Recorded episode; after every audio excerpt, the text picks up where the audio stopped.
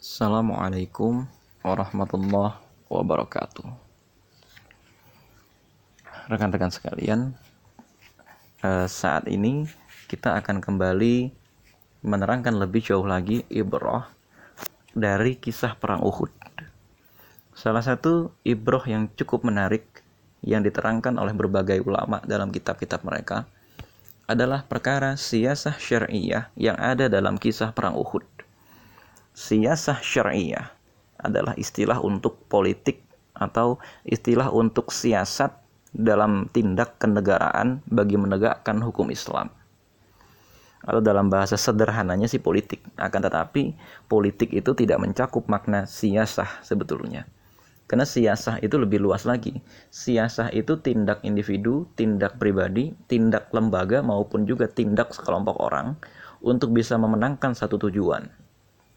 Dan di sini lebih jauh lagi, lebih luas lagi daripada kata makna politik. Sedangkan siasah syariah itu sendiri bermakna tindakan Rasulullah Shallallahu Alaihi Wasallam dalam konteks perang Uhud ini untuk bisa memenangkan agama Islam dalam konteks politik tentu saja. Di sini rekan-rekan sekalian, yang unik untuk kita ketahui adalah keterlibatan orang-orang kafir dalam kisah perang Uhud ini. Atau dalam artian bagaimana sumbangsih orang-orang yang ada di negara Madinah, bagaimana interaksi antara Rasulullah Shallallahu Alaihi Wasallam dengan berbagai elemen di kota Madinah pada saat terjadi kisah perang Uhud ini. Di awal sekali, teman-teman sekalian, ternyata Allah Subhanahu wa taala berurutan dalam surat Ali Imran ini dan para ulama sepakat surat Ali Imran ini diturunkan kisarannya itu tidak jauh sebelum atau setelah kisah perang Uhud. Rupanya salah satu surat atau salah satu ayat dalam surat Ali Imran ini ternyata membahas persoalan pemisahan atau persoalan e, pembatasan interaksi antara orang-orang muslim dengan orang-orang kafir secara siasah.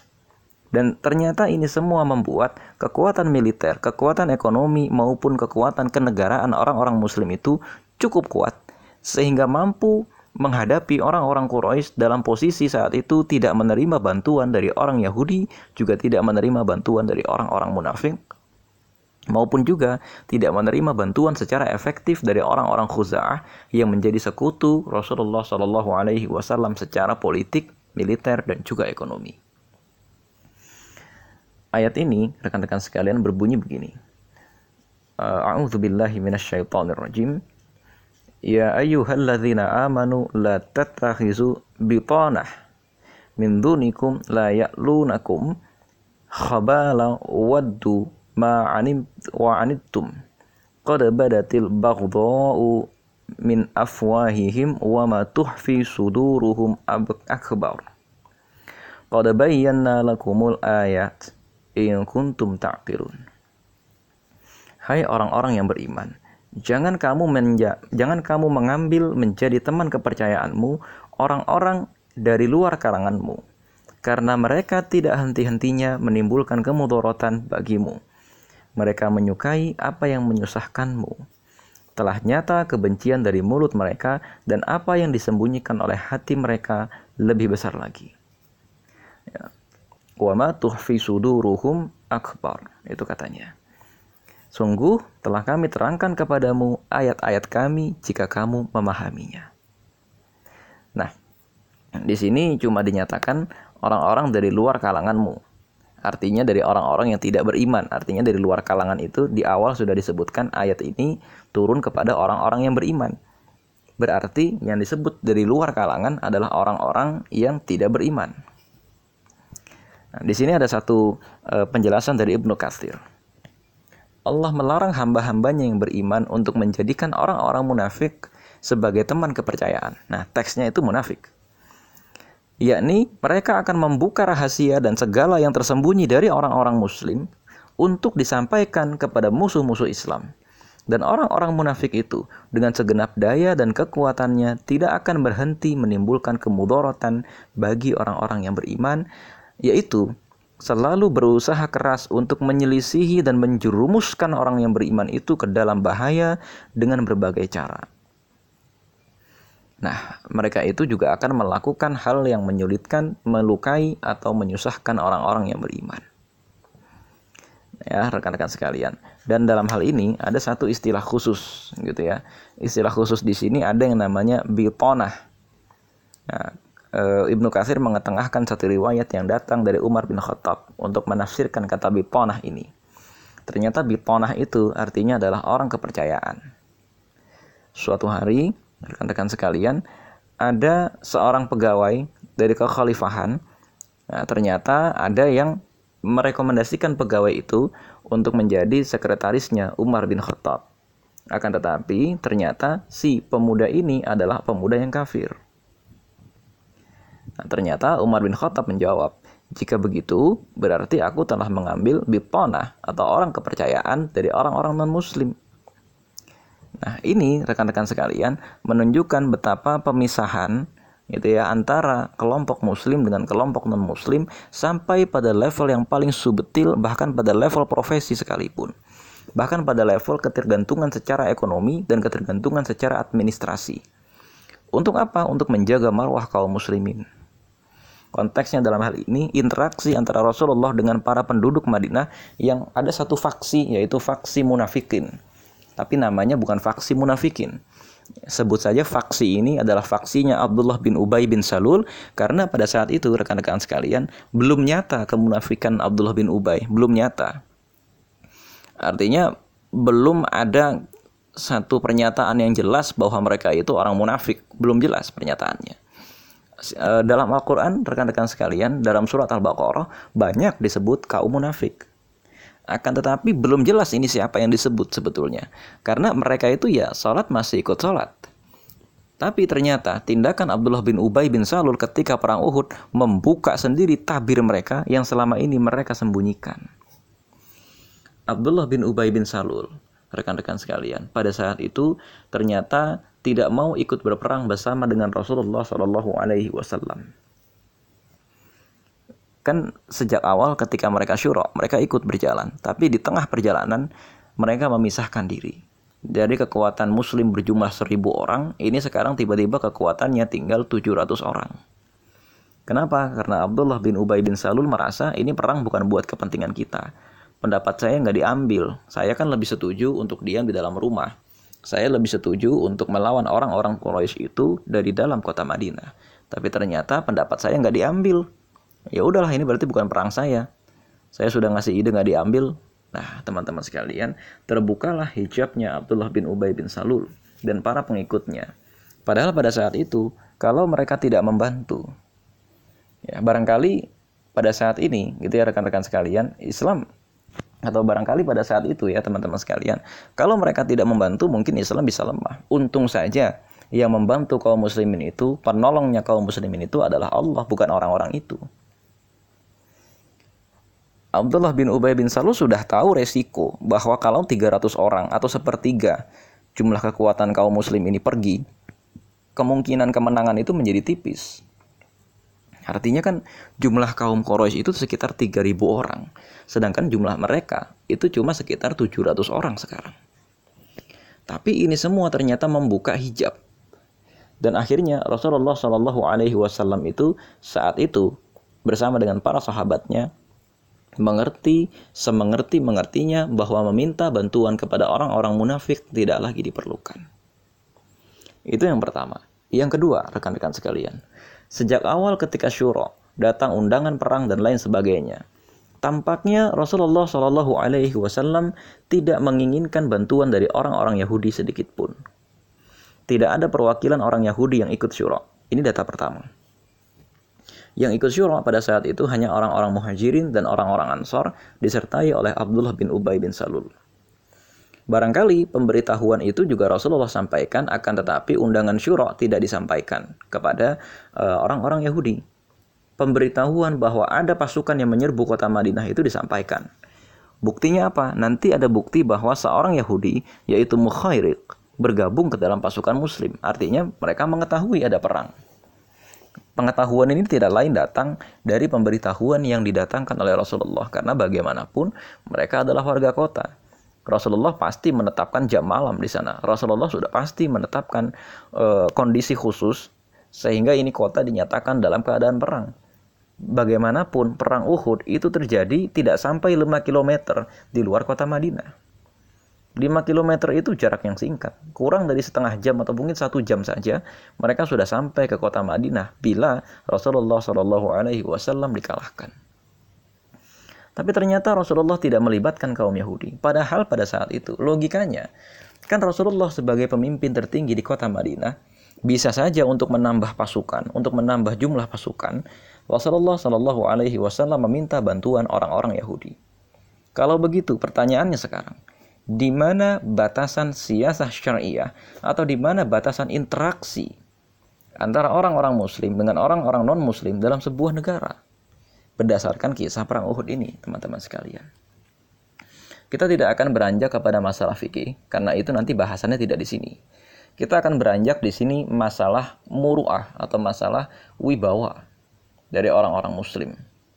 Atau kita juga akan bicara di sini masalah kemuliaan orang-orang muslim dan mengoptimalkan kekuatan orang-orang muslim baru kemudian meminta tolong kepada orang-orang kafir.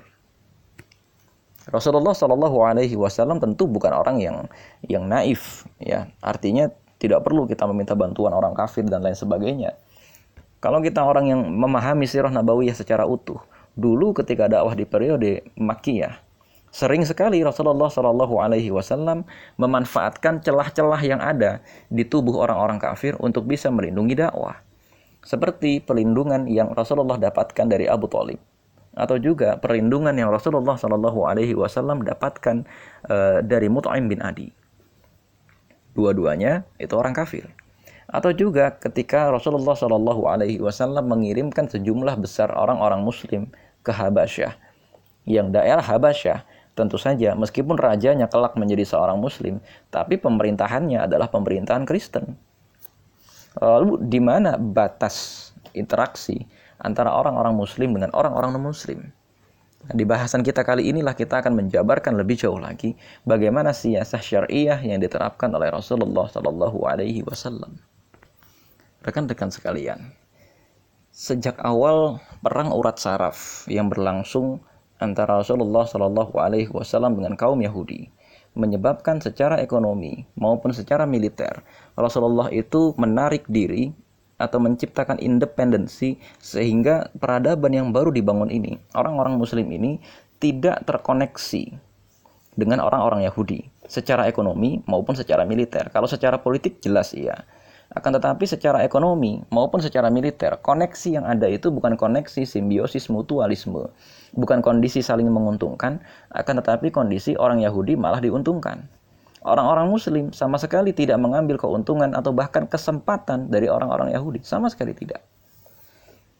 Di bagian awal pembahasan sirah nabawiyah kita, di bagian-bagian awal pada saat Rasulullah Shallallahu Alaihi Wasallam baru berhijrah, interaksi antara Rasulullah dengan orang-orang Yahudi itu selalu mengakibatkan e, perang urat saraf, selalu mengakibatkan konflik. Terutama beberapa saat setelah perang Badar ya kira-kira sekitar 10 sampai 15 hari setelah perang Badar justru terjadi perang yang berakibat diusirnya Bani Quraidah dari kota Madinah.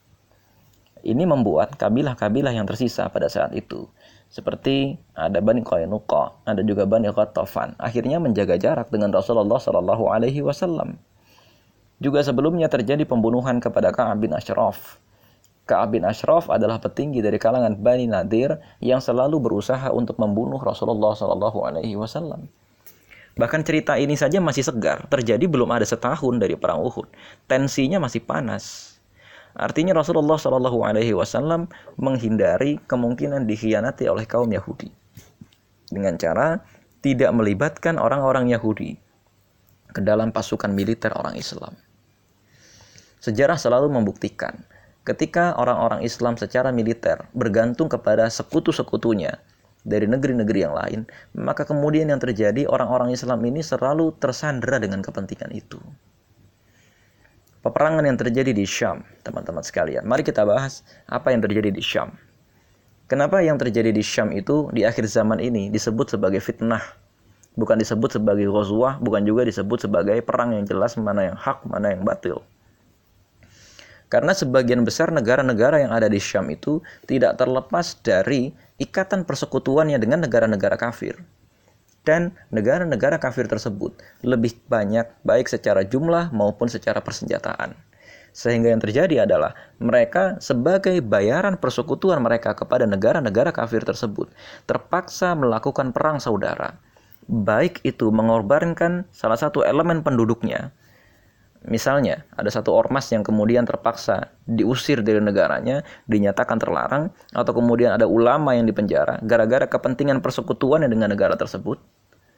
Kepentingan persekutuan dengan negara tersebut itu kan tentu bukan kepentingan yang menguntungkan Islam, pasti kepentingan yang menguntungkan negara-negara kafir tersebut. Atau juga yang kedua, teman-teman sekalian, memang negara kafir itu pelan-pelan ingin menguasai negara-negara Islam dengan cara awalnya menjadi sekutu secara militer maupun sekutu secara ekonomi. Nah, Rasulullah Shallallahu Alaihi Wasallam di sini ternyata memisahkan persekutuan itu. Boleh nggak bermuamalah dengan orang-orang kafir? Boleh, mubah. Bahkan jual beli itu halal. Akan tetapi teman-teman sekalian, ini terletak yang namanya siasah syariah. Batas melakukan siasah syariah itu bukan boleh atau tidak. Akan tetapi rencana ke depannya itu bagaimana? Batasnya di situ. Nah, rekan-rekan sekalian, eh, kembali kepada apa yang terjadi di perang Uhud.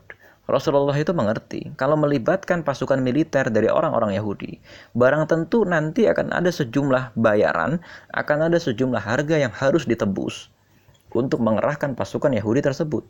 Sedangkan pada saat itu Orang-orang Muslim baru saja membangun peradaban, kekuatan modalnya belum sekuat orang-orang Yahudi. Nantinya, kalaupun mereka menang, ada sejumlah harga yang harus dibayar dari kemenangan itu, karena persekutuan mereka dengan orang-orang Yahudi. Nah, ini juga ternyata kita lihat secara jelas dalam politik yang terjadi di negara kita. Dalam proses kemenangan gubernur atau dalam proses kemenangan presiden, misalnya, partai-partai Islam itu terpaksa berkoalisi dengan partai-partai yang lain karena sistem di Indonesia itu mewajibkan sekian persen baru bisa maju. Sekian persen baru bisa mengajukan pemimpin. Nah, ini menyebabkan antara sesama partai-partai Islam itu saling bermusuhan satu dengan yang lain. Apalagi alasan persekutuannya itu kemenangan jangka pendek, yang penting partainya menang, bukan Islam yang menang. Karena di semua pilkada, di semua pemilu, di semua pemilihan anggota legislatif, Ternyata partai Islam selalu menang. Buktinya apa? Memang kalau yang diusung koalisinya, koalisi itu menang kalah menang kalah. Akan tetapi jumlah total suara seluruh partai Islam, meskipun partai-partai Islam itu di kubu yang berbeda, ternyata selalu sama. Nah dulu di Indonesia ada satu partai namanya Masyumi. Masyumi itu gabungan antara NU, Muhammadiyah, Al-Irsyad, Persis, PSII, dan lain sebagainya dan itu Muhammadiyah e, terutama ya masa dari Muhammadiyah di kota dan masa dari Nahdlatul Ulama di desa-desa masa dari Al Irsyad di Jawa Timur dan lain sebagainya selalu berhasil menjadi kuda hitam. Selalu berhasil menjadi oposisi yang kuat bagi PKI Partai Komunis Indonesia. Dan Rasulullah Shallallahu Alaihi Wasallam mengerti itu lebih baik sesama pasukan muslim itu bersatu dulu. Ansor dengan muhajirin itu modal utamanya. Jangan sampai ansor dengan muhajirin terpisah-pisah nih partai. Ini repot. Dan begitu juga yang terjadi di masa sekarang. Persatuan Islam itulah yang paling penting sehingga orang-orang Islam ini bisa meninggalkan ketergantungannya dari orang-orang kafir. Masalahnya tidak bicara halal atau haram, tapi ini bicara masalah kemuliaan dan juga bicara masalah nanti maslahat yang terjadi di kemudian hari itu apa dan mudarat yang kemudian terjadi itu akan bagaimana. Surat Ali Imran ayat 118 ini sudah sangat jelas. Ya, mereka tidak henti-hentinya menimbulkan kemudaratan bagimu. Itu yang dinyatakan oleh Allah Subhanahu wa taala. Nah, jadi teman-teman sekalian, kembali kepada konteks pembahasan siasah syariah pada perang Uhud ini mungkin bisa jadi kalau orang-orang Yahudi itu terlibat, Rasulullah Shallallahu Alaihi Wasallam akan menang mudah. Akan tetapi ada sejumlah harta atau harga yang harus dibayar oleh Rasulullah, sebagaimana di masa sekarang partai-partai Islam barangkali bisa memenangkan pilkada dengan mudah kalau kita bersekutu dengan partai-partai yang ideologinya nasionalisme, sekuler, atau komunis. Akan tetapi ternyata harga yang harus dibayar tidak sepadan. Dari kemenangan tersebut, ada sejumlah tambang, ada sejumlah perkebunan, atau ada sejumlah pos-pos jabatan yang harus dibagi-bagi kuenya. Bagi orang-orang yang hatinya sudah kebas, bagi orang-orang yang hatinya mungkin sudah tebal sekali, tutupan dalam hatinya itu sudah tidak peka kepada kepentingan Islam, mereka mudah saja membagi-bagi kepentingan itu. Akan tetapi yang menjadi masalah kemudian adalah kemuliaan atau muruah dan kewibawaan orang-orang muslim itu tidak bisa muncul. Karena selalu setiap kali orang muslim ingin melakukan sesuatu dicegah oleh rekan koalisinya. Setiap kali misalnya orang-orang muslim ingin mengadili penista agama, orang-orang muslim ingin menciptakan sekolah Islam, orang-orang muslim ingin menciptakan bisnis muslim dan lain sebagainya, tercegah oleh rekan koalisinya secara politik. Akhirnya apa, teman-teman sekalian? Kepentingan politik kita ternyata menyandera kepentingan ekonomi. Nah, ini juga yang kemudian disadari oleh Rasulullah Shallallahu Alaihi Wasallam sehingga beliau tidak minta bantuan dari orang-orang Yahudi. Hanya ada satu orang Yahudi yang kemudian merasa terpanggil, yaitu Mukhairik. Itu pun Mukhairik bukan bagian dalam tanda kutip secara ideologis tidak mengikuti kaum Yahudi yang lain. Karena kaum Yahudi yang lain itu tidak mau menolong Rasulullah dengan alasan ini hari Sabtu. Dan Rasulullah memang menghormati itu. Oke, ini hari Sabtu, hari raya kalian. Kalian tidak boleh berperang di hari Sabtu, tidak boleh berburu, tidak boleh mencari makan atau menyalakan api. Itu hak kalian. Akan tetapi ternyata mukhairik sadar peperangan akan mewajibkan atau peperangan akan menyebabkan beberapa hal yang wajib menjadi hal yang kemudian gugur karena darurat. Mukhairik sadar itu dan orang-orang Yahudi yang lain juga mengetahui itu. Ini lagi perang. Kalaupun perang terjadi pada hari Sabtu misalnya, maka mereka terkena ruksoh untuk mempertahankan diri mereka terlebih dahulu. Akan tetapi tampaknya mereka menunggu kira-kira Rasulullah Shallallahu Alaihi Wasallam nawarin apa. Jadi diproyekin gitu loh. Bagi orang-orang semacam ini, bukan cuma orang Yahudi, begitu juga orang-orang Muslim. Barangkali dalam hati kita ada perasaan ingin meroyekin kepentingan orang ingin menjadikan satu kegiatan dakwah, ingin menjadikan kepentingan umat Islam itu sebagai proyek. Nih, saya sekarang perang, saya sekarang menghadapi musuh di sini, ayo kita bersekutu. Dijadiin proyek. Kalau nanti kamu menang, saya kasih kamu ini. Dan sebaliknya, kalau nanti kita nanti bersama-sama menang, gitu kan, syaratnya kamu bantu saya, nanti setelah itu saya kasih ini. Ini diproyekin kepentingan kaum muslim. Dan ini berbahaya, teman-teman sekalian. Dan Rasulullah Shallallahu Alaihi Wasallam melalui surat Ali Imran ayat 118 telah jelas memisahkan di mana batasan kita bisa meminta tolong kepada kaum musyrik dan kita tidak boleh meminta tolong kepada kaum musyrik dan bahkan jangan meminta tolong. Jangan menjadikan mereka sebagai bitonah. Nah, rekan-rekan sekalian, yang selanjutnya menarik untuk dibahas adalah tawaran bantuan dari Ma'bad bin Abi Ma'bad. Yang kita ketahui, Ma'bad bin Abu Ma'bad masihlah seorang musyrik pada saat itu dan juga salah satu pembesar dari kaum Khuza'ah.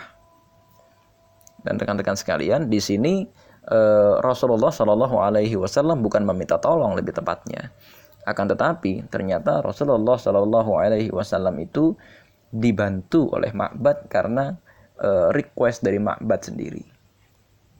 Dan ini ternyata sesuai dengan kepentingan umat Islam dan Ma'bad tidak mengajukan syarat Artinya bukan berarti, nah, hai Rasulullah, saya mengajukan begini, begini, begini, nanti dengan syarat begini, begini, begini. Ternyata tidak. Justru kaum Khuza'ah secara militer dilindungi oleh Rasulullah Shallallahu Alaihi Wasallam. Dilindungi. Ah, dalam arti ada teks yang jelas dari Ibnu Hisham yang menyebutkan bahwa Khuza'ah itu atau Ma'bad bin Abu Ma'bad itu telah bersepakat dengan Rasulullah untuk tidak merahasiakan sesuatu dari Rasulullah Shallallahu Alaihi Wasallam Meskipun dia belum mau masuk Islam, akan tetapi dia ini orang kafir yang fair, orang kafir yang adil. Tapi kalau dalam Islam tidak juga bisa dikatakan sebagai orang kafir yang adil, karena kalau dia adil tidak bisa dikatakan sebagai uh, kafir. Orang kafir nggak boleh adil, karena kalau dia adil pasti masuk Islam. Itu dalam Islam. Jadi rekan-rekan sekalian, bahasan ini memang sedikit rumit. Tapi bagi orang yang biasa berjuang di bidang politik, bagi orang yang biasa berjuang di bidang militer, atau bagi orang yang mengamati kecenderungan apa yang terjadi di Indonesia melalui iklim politik yang ada, atau e, mengamati apa yang terjadi di Timur Tengah sana, di Syam misalnya, pasti mengetahui bahwa kunci dari ini semua ternyata kebiasaan kita terlalu mudah meminta tolong kepada orang-orang kafir. Ini menyebabkan kepentingan-kepentingan kita tersandra dengan permintaan tolong kita itu atau tersandra dengan sejumlah harta, bantuan militer atau juga bantuan ekonomi dan juga bantuan politik yang diberikan oleh orang-orang kafir itu. Semua orang sudah sepakat untuk mengakhiri konflik di Timur Tengah. Semua negara-negara Islam yang ada di Timur Tengah bersatu saja. Akan tetapi ternyata gara-gara sandera kepentingan yang dilakukan oleh Amerika Serikat, oleh Rusia misalnya, juga oleh negara-negara Syiah, juga oleh negara-negara sekutu NATO dan lain sebagainya, negara-negara di Timur Tengah itu satu sama lainnya saling berperang. Uni Emirat Arab dengan Arab Saudi misalnya bersekutu akan tetapi memusuhi Qatar. Kuwait ini menjadi kuda hitam. Kuwait kadang ke Arab Saudi, terkadang juga ke Qatar. Belum lagi misalnya kepentingan dari Turki, Iran, dan juga kemudian Suriah Turki, Iran, dan juga Suriah itu sama-sama membantu Hamas. Jadi di medan perang Palestina itu mereka melawan Israel. Akan tetapi masalahnya rekan-rekan sekalian, mereka itu memusuhi negara-negara Islam yang lain, di belakang mereka itu ada Rusia. Nah, negara-negara yang mereka musuhi, negara-negara Islam yang mereka musuhi, di belakang itu bersekutu dengan Amerika Serikat, yaitu Arab Saudi, Uni Emirat Arab, dan lain sebagainya. Ini repot. Akhirnya apa? Turki, Iran, dan e, Suriah diproksi oleh Rusia, Arab Saudi, Uni Emirat Arab, dan lain sebagainya diproksi oleh Amerika. Nah, ini kemudian yang terjadi, teman-teman sekalian.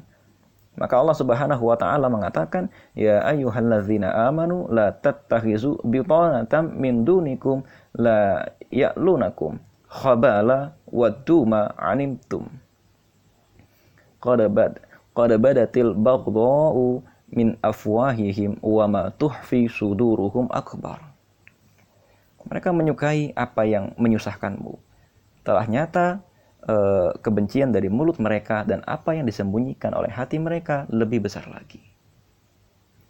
Ini rekan-rekan sekalian yang dimaksud dengan e, bagaimana cara kita bisa mengambil aspek siasah syariah dari kisah perang Uhud dan juga tadabbur surat Ali Imran ayat 118. Assalamualaikum warahmatullahi wabarakatuh.